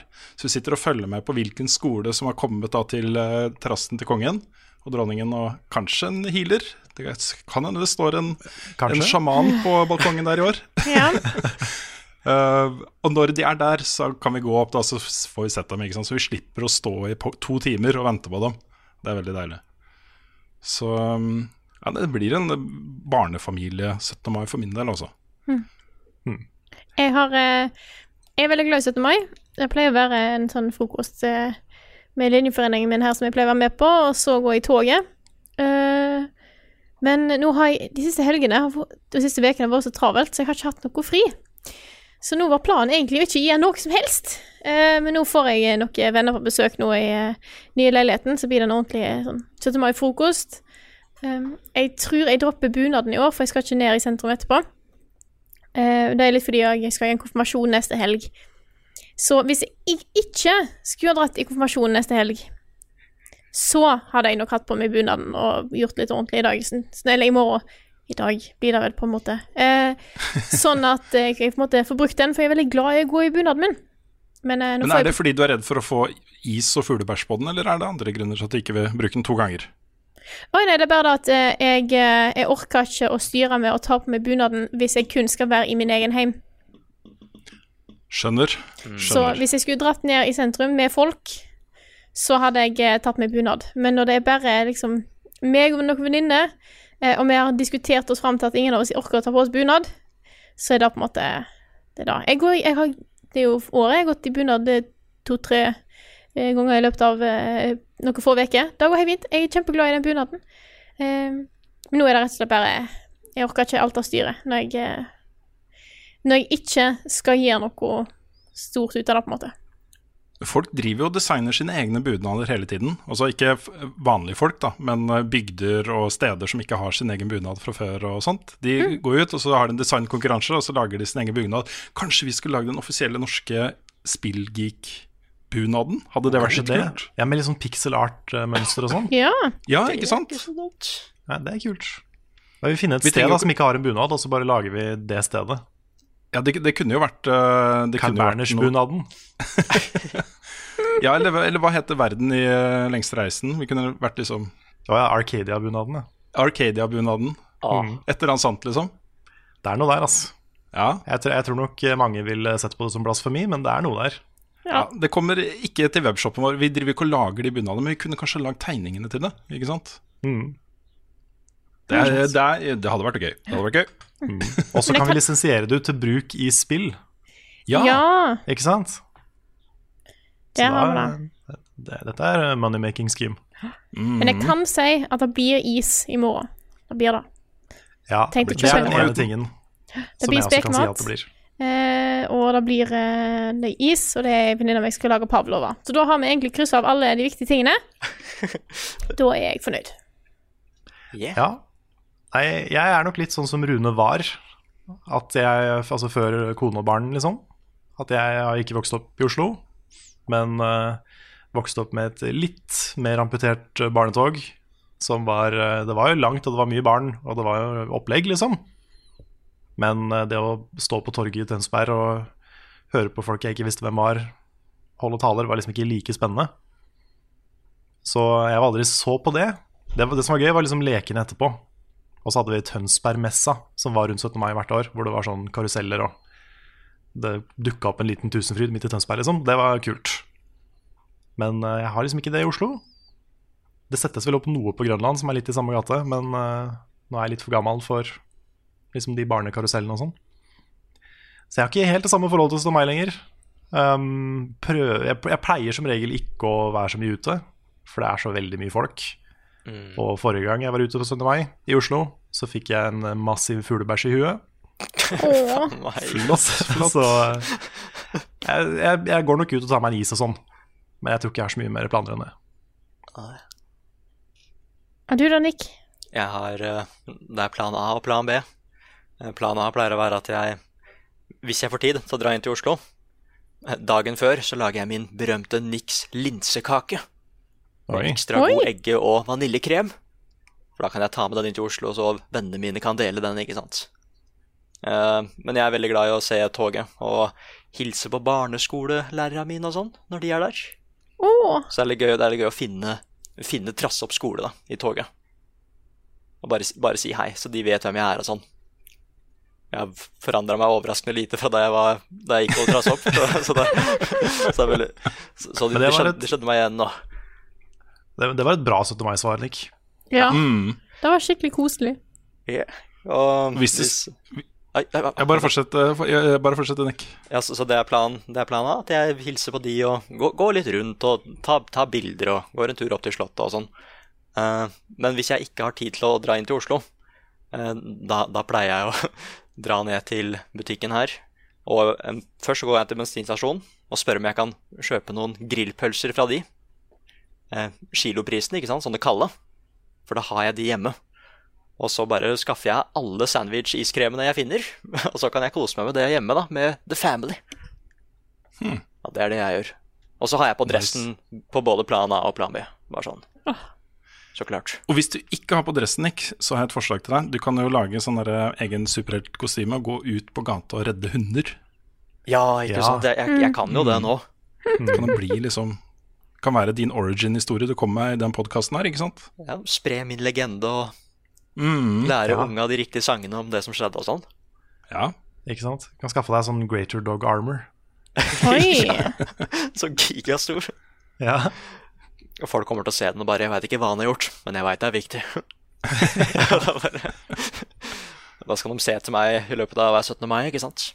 Mm. Mm. Men nei, Og hver 17. mai så, gjør, så jobber du litt hardere for å coine en ny 17. mai-sang Ja, ja, ja. om hvor viktig de hundene var for etableringen av Norge. Jeg sniker inn egentlig vår nasjonalsang at eh, jeg redda en hund dagen før. ja. Nei, jeg, jeg er veldig glad i den der eh, sosiale greia, fordi veldig mange av vennene mine fra, barne, nei, fra barneskolen, bare skolen generelt, pleier jo ikke å ha så god tid til å møtes, ikke sant? Men dette er liksom den ene dagen hvor vi kan møtes og mimre og sånn. Mm. Så, så det er ganske kult. Og så ser jeg på anime når han er ferdig. Nice. Ja, best, beste øyeblikket på 17. mai for de aller aller fleste er jo når man kan komme hjem og ta av seg de vonde skoene og den eh, kjipe dressen slash bunaden slash kjolen, og ta på seg pysjbukse og sette seg i sofaen og spise potetgull og se på TV-serier eller noe sånt, ikke sant? Mm. Eller game. Jeg kjenner jeg er- det, er, det går jo en stund mellom gang jeg har på den bunaden. Jeg er litt nervøs for hvordan den sitter i år, altså. Jeg er det. Jeg, har, jeg Ja, merker det det. er- Sånn er det med dress også, Frida. Det er det. Oi, nei, da blir det spennende. Jeg tror vi hopper videre til eh, neste spørsmål. Skal vi gjøre det? Kan jeg, kan jeg ta en siste sånn 17. mai-ting? Ja. For jeg har ett veldig, veldig koselig 17. mai-minne. Oh. Og det er fra en gang jeg var ute i Oslo og lagde reportasje om 17. mai. Da mens jeg prøvde å etablere meg med Muffens Media og sånn. Og da møtte vi en, jeg tror han var fra Polen, som, hadde, som også hadde en sånn egen bunad på seg. Og han elska 17. mai, fordi det var det, den ene dagen i året hvor nordmenn var sykt åpne og hyggelige og blide og vinka til noe sånt på gata. Oh. Og han syntes det var så koselig, så han var bare tidenes største 17. mai-fan. Og det var eh, Det er det mest holdsomme intervjuet jeg har gjort noen gang. Ja, men sånn er det jo. Sånn er det jo eh, i Norge på 17. mai. Hvis du er sur på 17. mai, da får du mange stygge blikk og mye kommentarer. Altså. Det er ikke lov å være sur på 17. mai. Nei. Det er sant. Ah, Da Da kan vi gå videre. Yes. Jeg har spørsmål her fra eh, Sofia, som skriver Heia, dere har sikkert gjennom året samla på mange spillrelaterte ting. Bamser, klær, figurer osv. Hva av de er dere mest stolt over slash glad i? Oi. Jeg kan begynne. Jeg har veldig lite spillrelaterte ting når jeg tenker meg om. Men jeg husker at jeg eh, på Jeg tror det var sein barneskole. Så fikk jeg eh, tak i noe som basically var en Pikachu Tamagotchi. Oi. Mm. Så var du hadde eh, Pikachu med en liten sånn dings som du da skal ta vare på. Og jeg husker ikke hvordan han funka. Jeg bare husker at du på en måte Når du gikk, så fikk fikk du liksom flere Altså hvert steg var det et poeng, og så brukte du det til et eller annet. Men jeg ble nesten minnet på han fordi at uh, foreldrene mine var og besøkte meg i helga. Så snakka de bare sånn ja, 'Hadde du noe sånn Tamagotchi eller et eller annet sånt da du var liten?' Jeg bare sånn 'Nei, nei, jeg hadde Pikachu'. Og så kom på 'Ja, stemmer'. Ja. Så den er Jeg ble nettopp minnet på han, så da syntes jeg var litt sånn en koselig ting. Yes. Og så du rista på han, da, så så du at Pikachu liksom gikk og sprang bortover. Det var egentlig veldig søtt. Ja, koselig. Ja. Vet ikke hva, hva jeg er mest stolt av. Jeg er veldig happy med de, um, de Final Fantasy, abstrakte Final Fantasy-plakatene jeg har skaffet meg, da, som jeg henger på veggen. Mm. De De er liker jeg. De er fine. Og så har jeg en OK samling med Final Fantasy Strategy Guides, med masse sånn kul art i de. Som jeg er ganske happy med. Så har jeg jo litt Pokémon-kort fra jeg var liten, som jeg fortsatt har. De, de må jeg vise til samme en gang, Rune, for det, jeg tror eh, det er mye han hadde syntes var kult. Ja, det er eh, så lenge de har uh, høy attack power og er uh, enten legendary eller uh, Eller hva er det shiny det heter? Jeg husker ikke. Ja. Altså de forskjellige kortene. Det er legendary, men så er det en som er bedre enn legendary. Hva er det igjen i Pokémon-kort? Mythical er jo den mest i Pokémon. Ja, nettopp. Han vet forskjellen på de tingene, så hvis du har noen sanne ting, noe med veldig høy attack power, s- det er det han kicker på. Jeg har et Pokémon-kort av Mew som man bare får hvis man drar på kino og ser Pokémon The Second Movie. Den òg har Det, jeg. kort, det kortet har jeg fortsatt. Ellers så er det jo Jeg har jo en eh, onkel som jobba på Brio da jeg var liten, og fikk masse offisielt eh, merch rett fra Sega, som jeg har arva. Og det er annet den eh, svære boblete Sonic-jakka som jeg har brukt i No Scope, og en eh, offisiell Sonic veggeklokke som henger på veggen. Det er så sært, da. Det er så sært, men så kult, da. Ja. Det er sånn, og det er, det er real merch, liksom. Mm. Og det er ekstra kult fra 90-tallet. Yeah. Så det er jeg ganske happy for at jeg har. Jeg kunne hatt så mye sjeldent uh, stæsj. Så mye. Mm. Eh, hvert fall sånn på slutten av 90-tallet opp til halv, halvveis ute i 2000-tallet. Vi fikk jo tilsendt så ufattelig mye presskits på, på VG, da. Mm. Og mye av det var jo sånn produsert i sånn 500 eksemplarer og går for uh, titusenvis av kroner på, eh, på uh, svartebørsen. Kanskje ikke svartebørsen, men det er på en måte det. Du skal jo ikke selge det. Mm. Men jeg har donert, jeg har gitt bort alt. Jeg har ikke tatt vare på noe av det, tror jeg. Mulig at det ligger noe i et, en boks på et lager eller noe sånt, men jeg, er ikke, jeg er ikke så opptatt av, eh, av den type ting. Det, er- ja, jeg vet ikke. Det er kanskje en periode på midten av 20-åra hvor jeg kunne ha funnet på å lage et monter med spillfigurer og sånne ting. Men det gikk over, på en måte. Mm. Så Jeg har ikke så veldig mye selv, egentlig. Jeg har, jeg har også en perm med Pokémon-kort. Jeg har nesten alle de originale Pokémonene, faktisk, i kort. Nice. I, don't, I don't mean to brag, men til og med Charizard. Ja, Men, jeg, tror, jeg tror jeg så har det. At jeg har den originale 151. ja, så om ti år så kan jeg selge for a lot of monies, håper jeg. Nei da, jeg kan ikke gjøre det. Det er for mye. det er vært for mye for meg, så jeg kan ikke gjøre det. Men det, kanskje Det er jo ikke egentlig en ting jeg har kjøpt selv, men kanskje den Rune var så kul og ga meg presskit av God of War. My, my first ever presskit. mm. Det, det er kanskje min favorittspillduppeditt, for der står det til og med et brev fra utviklere bare åh, det er så kult at du skal spille spillet vårt, og dette er liksom Det står til og med bakpå hvor mange versjoner av presskittet det er, da, eller hvor mange som ble produsert, og hvilket nummer det er, og arten som var der. Liksom min, min, min first presskit. Det, Mm. det må nok være det. Og bare det at det er God of War, det er liksom bra måte å starte presskit-samling på, altså. Husker du det der Bloodborne presskitet vi fikk, Karl? Husker, husker du hva vi gjorde med det? For vi ga Ja, det bort, vi- gjorde vi ikke det? vi ga det bort i konkurranse? Stemmer det. Det er sånn som jeg tenker på nå som litt, kanskje litt dumt. Ja, det skulle jeg gjerne hatt, kjenner jeg. De hadde jo sånn artbook og sånn. Yes. Det var fett, ass. Mm.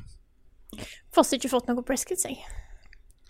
Nei, det, nå er det jo ikke så mange igjen av de. Det er ikke så mange som lager presskits av den typen, og i hvert fall ikke som sender til uh, sånne medium store YouTube-kanaler som vår. Det går, går kanskje til noen andre. Um, det meste er jo bare å sende ut digitale koder nå. Det er jo det man stort sett gjør. jeg, jeg føler jeg kan ta en ganske safe eh, sjefsavgjørelse på en ting. Hvis det kommer et Bajonetta 3 presskit, så går det til Frida. Det er, den er bankers. Mm. Kanskje Det er hele kostymet. Ja, Da har jeg takka ja til lett. og så kan du trykke på en knapp på kostymet, så blir det til hår. Ja. Litt Get vanskelig å få til, men det- Get on it. Ja, men man må sikte høyt. Nei, har dere noen spørsmål på lager?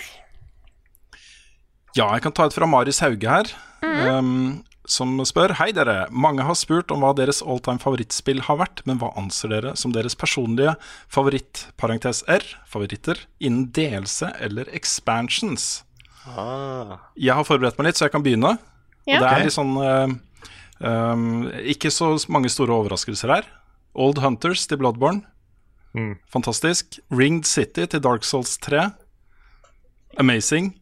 Uh, Destiny uh, 2 Forsaken. Destiny 1 The Taken King.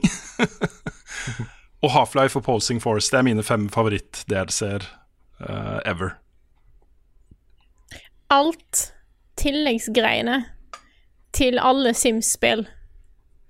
For Det er 10 000 av dem, er det ikke det? Yes. eh, nå kan ikke Altså i hvert fall for eh, jeg eh, Bare liksom standard Sims har jo en del ting. Det trengs en del mer.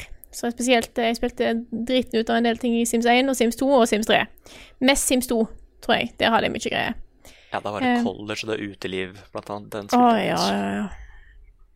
Der er, det, der er det mye greier. Jeg husker vi hadde en sånn Sims 8 i 1. Det var åtte spill! Åtte expansions! Et spill det var helt insane. Husker jeg det, Det var var så-. Det var så funny da uh, den perioden som disse Sims-spillene kom. Det var Særlig Sims 2 var jo helt rå på, på expansion packs. Og det var sånn I starten så var det sånn svær anmeldelse eh, i VG av The Sims 2. Eh, anmeldelse av første tilleggspakke, andre, tredje Og så ble det mer og mindre og mindre entusiastisk da skulle anmelde nok en ny delelse til eh, The Sims 2. Til slutt så bare OK, det, det nå holder det. Vi trenger ikke å anmelde flere delelser. Alt fikk terningkast fire, ikke sant. Uansett, det var terningkast fire hver gang. Det var ikke jeg som anmeldte det. Eller så tror jeg jeg må si Don't Starve Reign of Giants. Den eh, har jo ganske mye som jeg vil si er viktig for det spillet nå. Mm. Hmm. Jeg må jo kaste meg på Bloodborne og Dark Souls. Mm. Egentlig alt av Fromsoft DLC er jo ofte det beste i spillet. Mm. Ellers så er det jo alle Er det ikke Civilization 5 Brave New World, er det ikke den heter? Ja, det, ble, det spillet ble bra da, altså. Ja. Det gjorde jo hele Civ 5, Mm. så den må vi ha på lista. Ah, mens mine Jeg tror begge mine favoritter er jo zombie-dealsies. Det er litt morsomt. Uh, jeg, jeg, men det, jeg spilte også ferdig Spiderman-dealsien, da. Den likte jeg ja. veldig godt. Ah. Det, for det er et av de få spillene hvor jeg liksom har gleda meg til å få mer innhold i det, for jeg likte det så mye. Så dealsien der var veldig bra. Men uh, de som er liksom på toppen akkurat nå, del førsteplass, det er, det er zombie-dealsien til Red Dead Redemption, den første. For der var det ikke bare zombier, det var mytologiske vesener òg? Four Horsemen of the Apocalypse og sånne ting.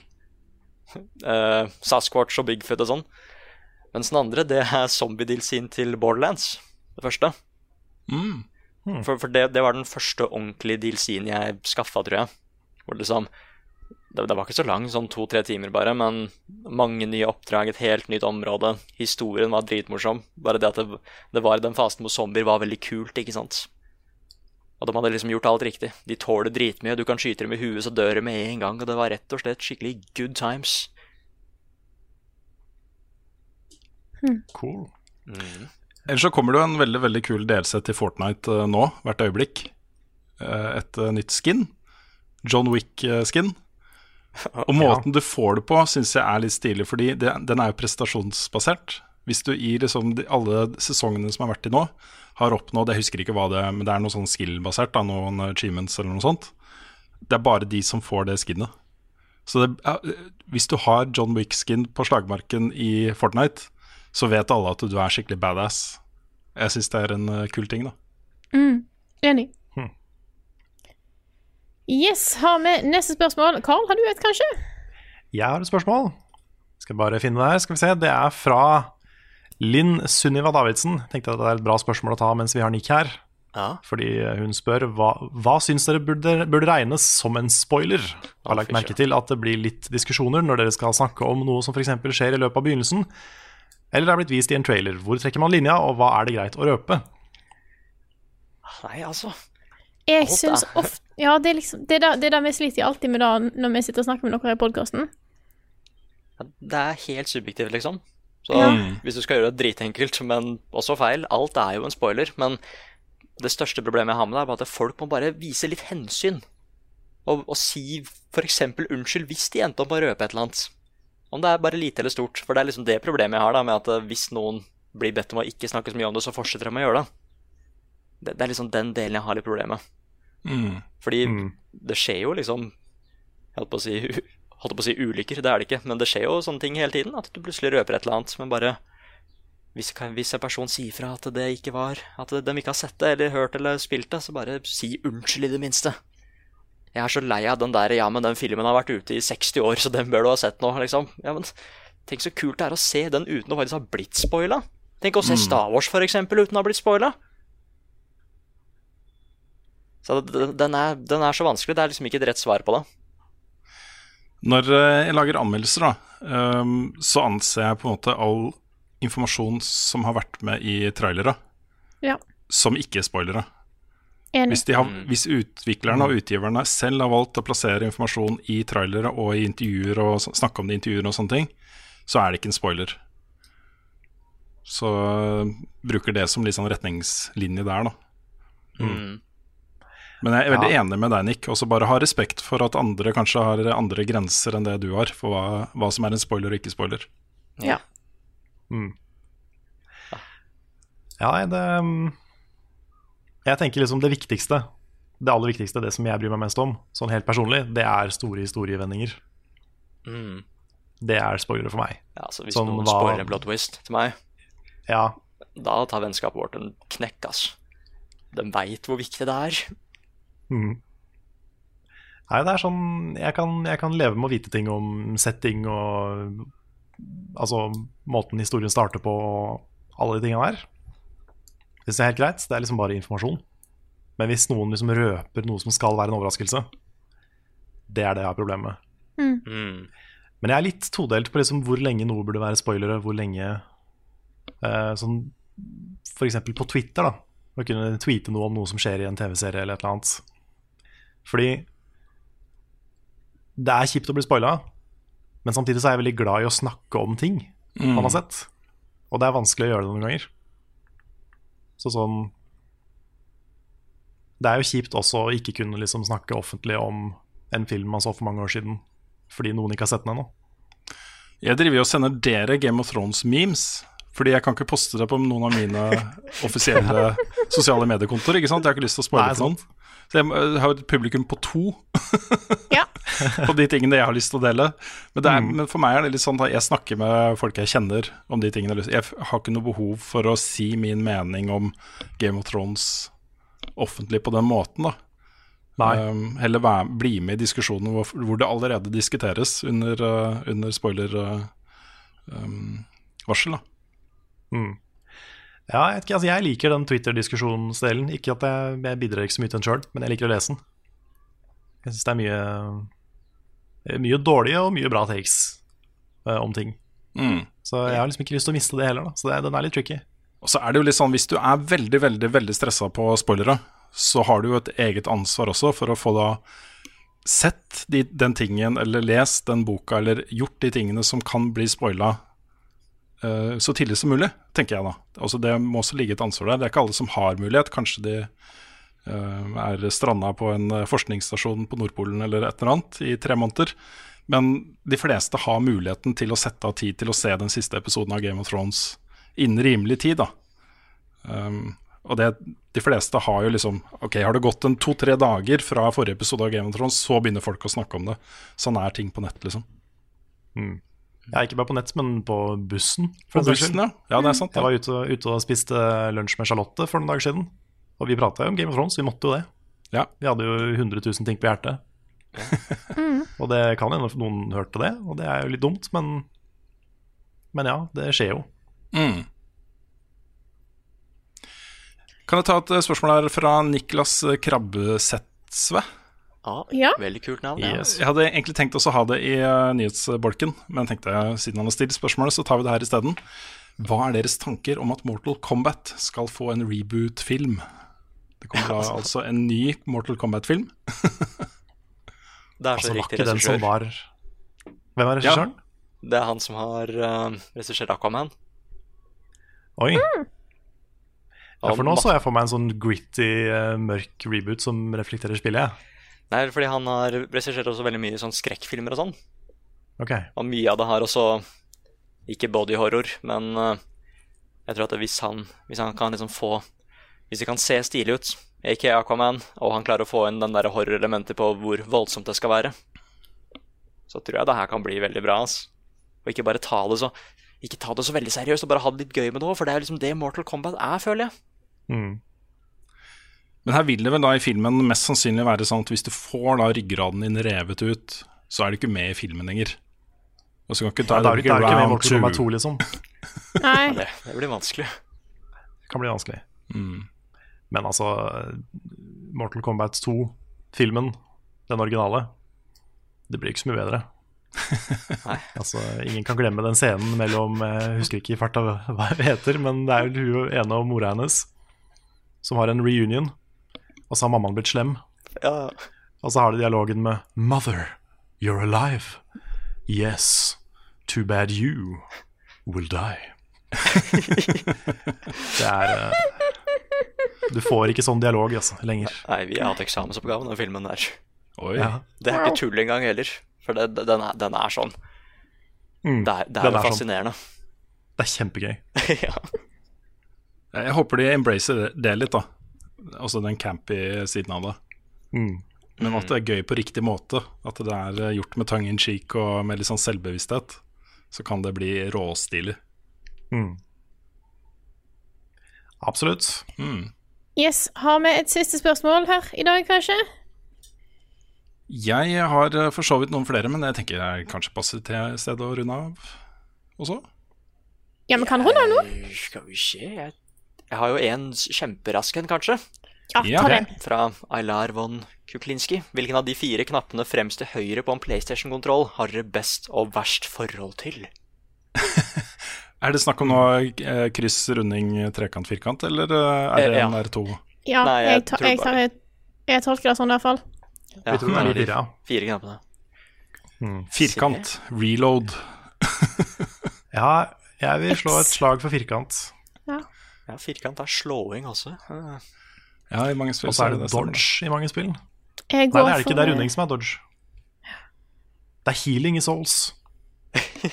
Mm. Jeg går på, eh, for uh, kryss, kun av uh, gut feeling.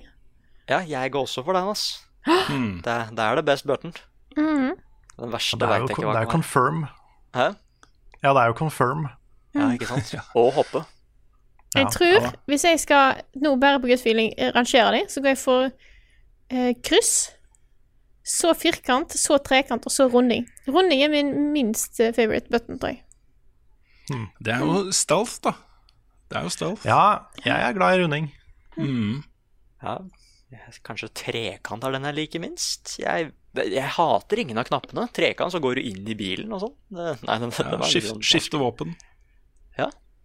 Mm. Nå er jeg, jeg er kun på liksom estetisk nesten nå. Ja, det estetiske, ja.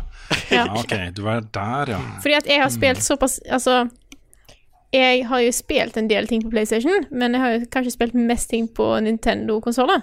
Så jeg har ikke sånt intuitivt inntrykk av hva alle knapp, hva de fire knappene vanligvis blir brukt til. Altså, kryss er én ting, men det er derfor jeg kunne for liksom hva hva, Mm. hva tenker jeg hva, hva føler jeg når jeg tenker, ser for meg den knappen som enten er kryss eller trekant, eller, og da blir det kryss, firkant, trekant, runding. Jeg har litt sånn anstrengt forhold til kryss her, fordi uh, den har jo forskjellig funksjon. I Vesten så er jo kryss OK. Mm. I uh, Japan så er det nei, altså cancel. Så i menyer og sånt, hvis du spiller et spill med japanske menyer, og de ikke har endra på det, så hver gang du trykker X, så går du tilbake. Og så cancel eh, det du har gjort nå, nå går du tilbake. Mens i Vesten så går det fram, ikke sant, velger du. Og så er det runding da for å velge på japansk, ikke sant. Så jeg har litt sånn anstrengt forhold til kryss der, altså. Det er sant. Og i tillegg så er det jo omvendt på Nintendo. Ja. Nettopp. Så det er også et sånn evig problem. Så det vil jeg si er en mark mot både runding og kryss. Men jeg er sånn der compulsive reloader i alle skytespill. Jeg reloader hele tiden, selv om jeg bare fyrte av ett skudd. Det er liksom, Jeg tenker ikke på det engang, jeg reloader hele tiden. Så, Ja, samme. Og sånn går man aldri tom ammo. Sånn går man aldri tom Det er helt riktig, det er helt riktig, Karl. mm. Sånn, den før vi avslutter, Ja. kan jeg, bare, kan jeg bare ta en liten sånn, fordi det har skjedd noe som ikke skjer så ofte, ah. som jeg har lyst til å nevne. Og det er det at eh, jeg har fått et nytt Paradise Hotel-sitat Hva? som jeg er veldig glad i. Oi. Fordi jeg har jo, har jo noen favoritter fra før, sånn som Bærer ikke noe gnag og Backstabla i ryggen og sånne ting. Men det var en samtale i en episode. Jeg ligger litt bak, eh, så jeg har ikke sett de nyeste. Men det var en episode jeg så for noen dager siden, Ja. med da to dudes som lå og sola seg og hadde en dudesamtale. Og det begynte med at liksom, ja, når, når mannfolk slåss, da, så blir de liksom ferdig med det med en gang. Og så fistbumper de. Og så sier han etterpå, fordi de bare, de bare penetrerer hverandre, liksom. og så går han for en ny fistbump, får ikke fistbump tilbake. Nei. Det blir litt mer sånn Nja, det vet jeg ikke om eh. Og så, så blir det helt stille. Og så trekker han seg litt tilbake, og så Jeg vet egentlig ikke hva penetrere betyr. Det her må jo være regissert, da. Det må jo Nei, være jeg tror ikke det. Jeg tror ikke det. Jesus.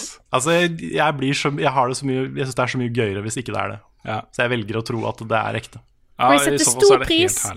Jeg setter stor pris på at du sender meg video av dette her på Snap, Carl. Da syns Ja. jeg alltid jeg synes det er så gøy. Jeg spola tilbake, for jeg lo så mye. Åh. Og, og med den, så da gullkornet der, så tror jeg at vi begynner å runde av podkasten. Vil jeg si en stor, stor stor takk til alle dere som støtter oss på Patrion. Dere er fantastiske folk som gjør at dette her er, ja, dette her er mulig for oss å drive med. Så tusen takk. Jeg bare nevner også at da, støtter man ikke bare podkasten her. Selv om dette er det, kanskje det eneste du hører på av de tingene vi lager. Vi lager massevis av andre greier også. Yes. Så hvis du har lyst til å støtte oss, og det vi gjør, så gå inn på patreon.com slash levelupnorge eh, og støtt med det beløpet du har lyst til. Og med da så vil jeg si tusen takk for oss. Takk for, for, takk for at du hørte på denne episoden her av Level Backup, og så snakkes vi igjen neste uke.